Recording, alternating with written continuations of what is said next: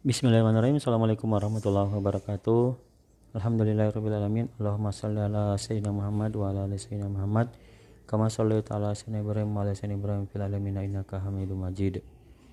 Alhamdulillah ketemu lagi di channel podcast Muslim Profesional dan pada kesempatan ini saya ingin membahas tentang uh, legacy ya atau warisan yang uh, kita bisa wariskan dari seorang karyawan Nah mungkin kita pernah mendengar ya atau membaca bahwa sampai saat sekarang ini itu e, begitu banyak e, kekayaan dari sahabat Nabi yaitu Utsman bin Affan maupun Umar bin Khattab ya yang e, mereka wariskan kepada umat gitu ya. Bahkan Utsman bin Affan sendiri sampai sekarang e, rekening itu masih e, tersimpan ya di Saudi dan dikelola oleh e, pemerintah Saudi untuk membiayai uh, fakir miskin dan anak yatim. Uh, jadi di Saudi sana di di tum, diwariskan oleh uh, Utsman bin Affan yaitu kebun ya kebun kurma yang sampai sekarang itu masih dikelola oleh Kementerian Pertanian ya di mana hasil wakafnya digunakan untuk uh, memberi bantuan kepada fakir miskin dan anak yatim. Selain itu sebagian dari hasil wakaf itu juga di e, masukkan di dalam rekening tabungan atas nama Usman bin Affan di bawah pengawasan Departemen Pertanian ya. Dan sebagian tabungan tersebut dibangun e, dalam bentuk hotel berbintang 5 yang terletak di samping Masjid Usman bin Affan. E, sedangkan Umar bin Khattab sendiri ketika e, beliau wafat itu Umar bin Khattab mewariskan ladang pertanian sebanyak 70 ribu ladang ya yang rata-rata harga ladang itu sebesar 160 juta ya kalau dikonversi ke rupiah. Sehingga kalau kita uh, hitung-hitung itu meninggalkan warisan sebanyak 11,2 triliun rupiah. Dan rata-rata ladang pertanian tersebut menghasilkan 40 juta rupiah. Artinya uh, Umar mendapatkan penghasilan sekitar 2,8 triliun per tahunnya atau sekitar 233 miliar sebulan. Lengkapnya mungkin kita bisa baca di buku Fikih Ekonomi Umar bin Khattab ya. Uh, namun ya yang menarik bahwa e, ternyata legasi atau warisan dari para sahabat ini bukan hanya e, bersifat aset saja, tetapi yang paling besar dari itu adalah bagaimana peradaban Islam yang kemudian e, mereka wariskan kepada e, umat ini gitu ya. Jadi bagaimana mereka mewariskan sistem, mereka mewariskan orang ya, termasuk aset yang sampai e, sampai saat sekarang itu masih bisa dinikmati oleh umat. Ya, jadi kalau kita bicara tentang legasi para sahabat itu mereka tidak berbicara legasi terkait dengan dirinya pribadi maupun anak keturunannya saja gitu ya. Tetapi ketika berbicara legasi mereka itu adalah e, legasi e, terkait dengan umat ya, terkait dengan umat. E, begitu pula dengan e, penyebaran agama Islam di Indonesia ya, yang kalau kita kenal ada Kiai Haji Ahmad Dahlan dan uh, Kiai Haji Wahid Hasim yang uh, mendirikan Muhammadiyah dan NU ya. Kiai Ahmad Dahlan sendiri adalah seorang pengusaha ya, pengusaha batik kalau tidak salah beliau. Dan kemudian dari usaha batik itu uh, beliau juga uh, terpanggil ya setelah mempelajari Islam untuk uh, membentuk organisasi pergerakan yang waktu itu didirikan bernama Muhammadiyah Nah, kalau kita runut-runut eh, aset Muhammadiyah sekarang itu sudah sangat banyak ya, sangat besar. Kalau digabung-gabungkan semua Muhammadiyah itu sangat besar dan semua aset itu merupakan legasi dari Kiai Haji Ahmad Dahlan. Jadi kalau kita bicara legasi dalam Islam itu bukanlah hanya sekedar legasi yang eh, diwariskan untuk eh, anak keturunan saja, tetapi eh, bagaimana kemudian legasi tersebut bisa bermanfaat sebesar-besarnya buat umat gitu ya. Uh, dan kalau kita runtut tentunya aslinya ya semua warisan yang diwariskan oleh para sahabat diwariskan oleh para ulama maupun diwariskan oleh para pejuang-pejuang Islam itu sendiri itu sejatinya berasal dari uh, tentunya legasi dari Nabi Muhammad Shallallahu Alaihi Wasallam. Walaupun Nabi Muhammad SAW tidak mewariskan ya tidak mewariskan aset secara langsung ya karena uh, beliau itu memang tidak ingin meninggalkan warisan ya waktu, waktu itu untuk keluarganya. Tetapi secara tidak langsung semua yang diwariskan oleh para sahabat, semua yang diwariskan oleh para ulama itu merupakan uh, warisan dari Rasulullah SAW juga, gitu ya. baik itu aset baik itu sistem ya terutama ya. Kemudian baik itu orang ya.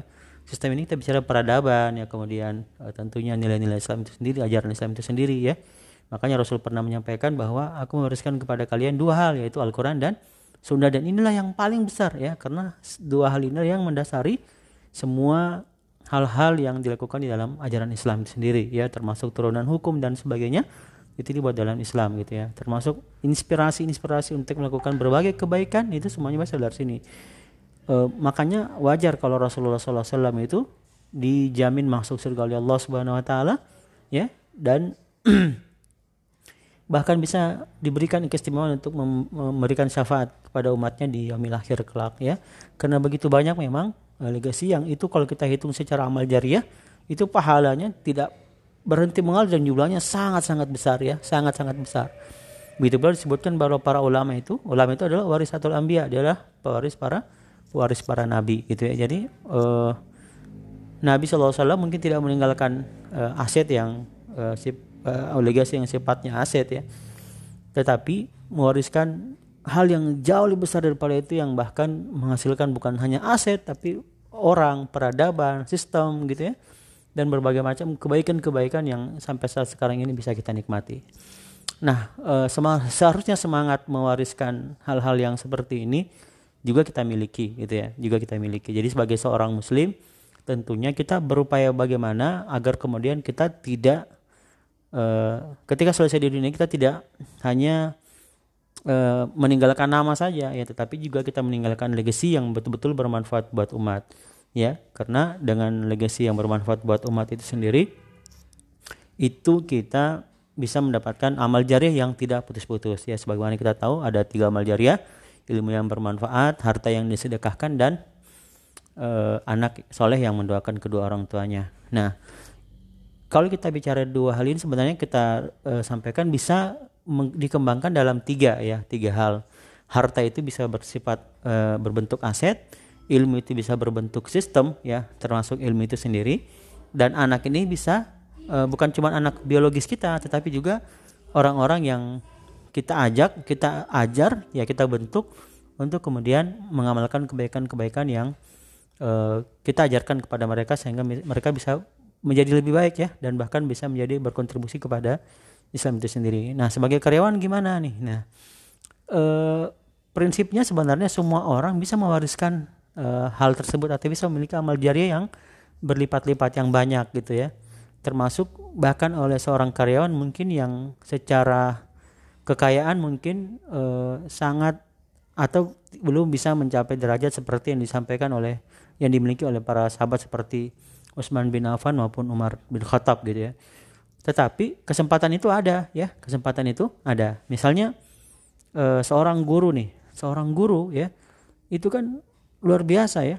Dia ngajar puluhan tahun, berapa orang yang diajar itu mewariskan orang ya, mewariskan orang dan orang ini bisa saja ke depannya jadi pejabat, jadi ustadz, jadi ulama gitu ya.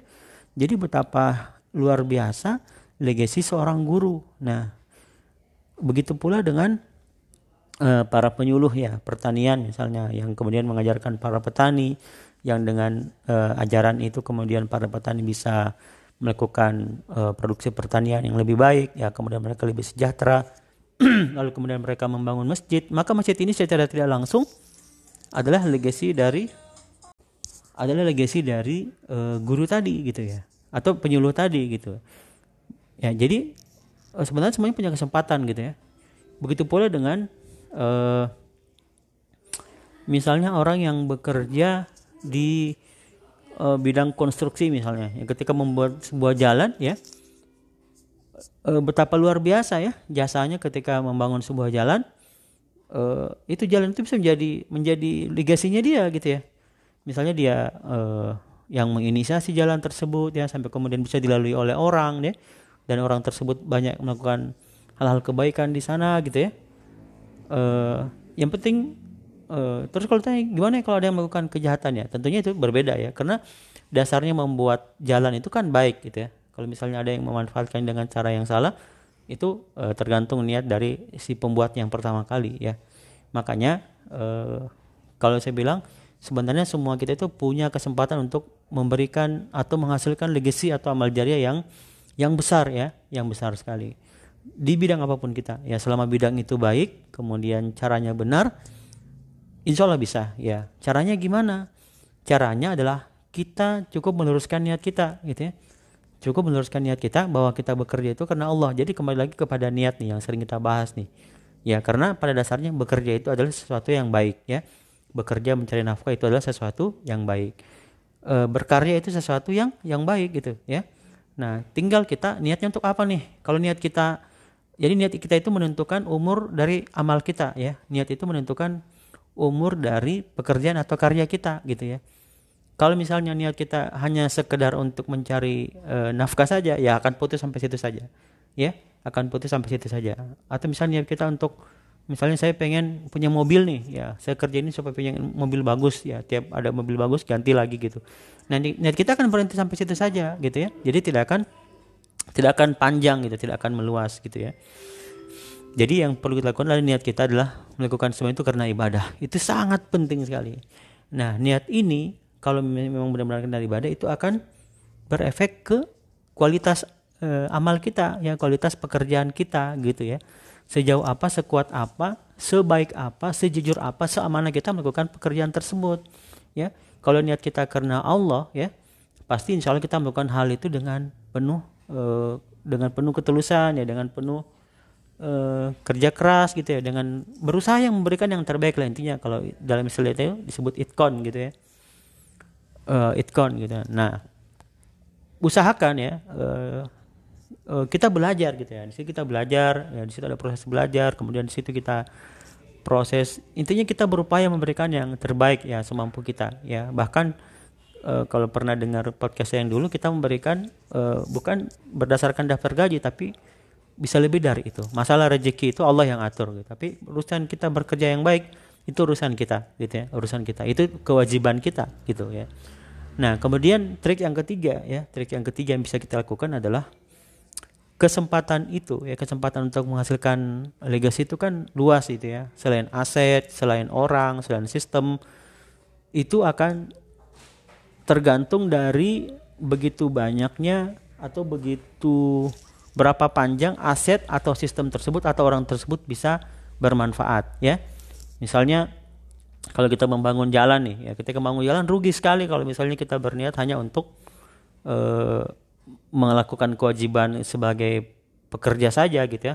Tapi kalau niatnya kita ya Allah saya ingin membangun jalan ini supaya orang yang di yang di atasnya bisa melaluinya untuk mencari nafkah buat keluarga gitu ya.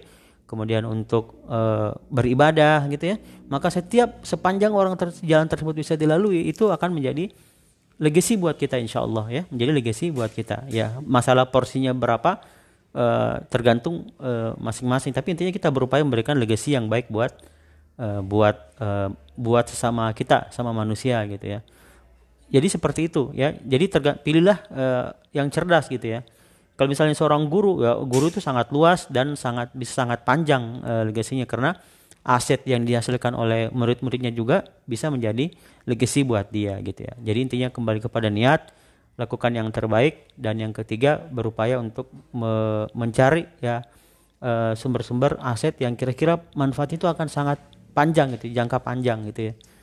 Uh, kalau misalnya kita bisa masuk di uh, misalnya sebagai seorang birokrat kita bisa membuat sistem yang sistem itu mungkin bisa digunakan sampai puluhan tahun atau mungkin bertahun-tahun bahkan sampai selesai gitu ya sampai kiamat gitu kalau perlu ya supaya sistem yang baik itu bisa menjadi legasi kita gitu. Itu sangat luar biasa gitu ya. Uh, sistem misalnya agar kemudian uh, tidak ada lagi korupsi di uh, lembaga kita gitu itu e, contoh saja ya. Jadi intinya e, memang sebaiknya memang kita berupaya untuk memberikan yang e, terbaik buat e, memberikan legasi buat umat ini ya sebagaimana para sahabat ya. Tetapi kalau misalnya kita belum mencapai kualitas mereka minimal kita bisa mengikuti jejak mereka meninggalkan legasi buat umat ini dengan hal-hal yang e, bisa kita lakukan seperti yang disebutkan tadi.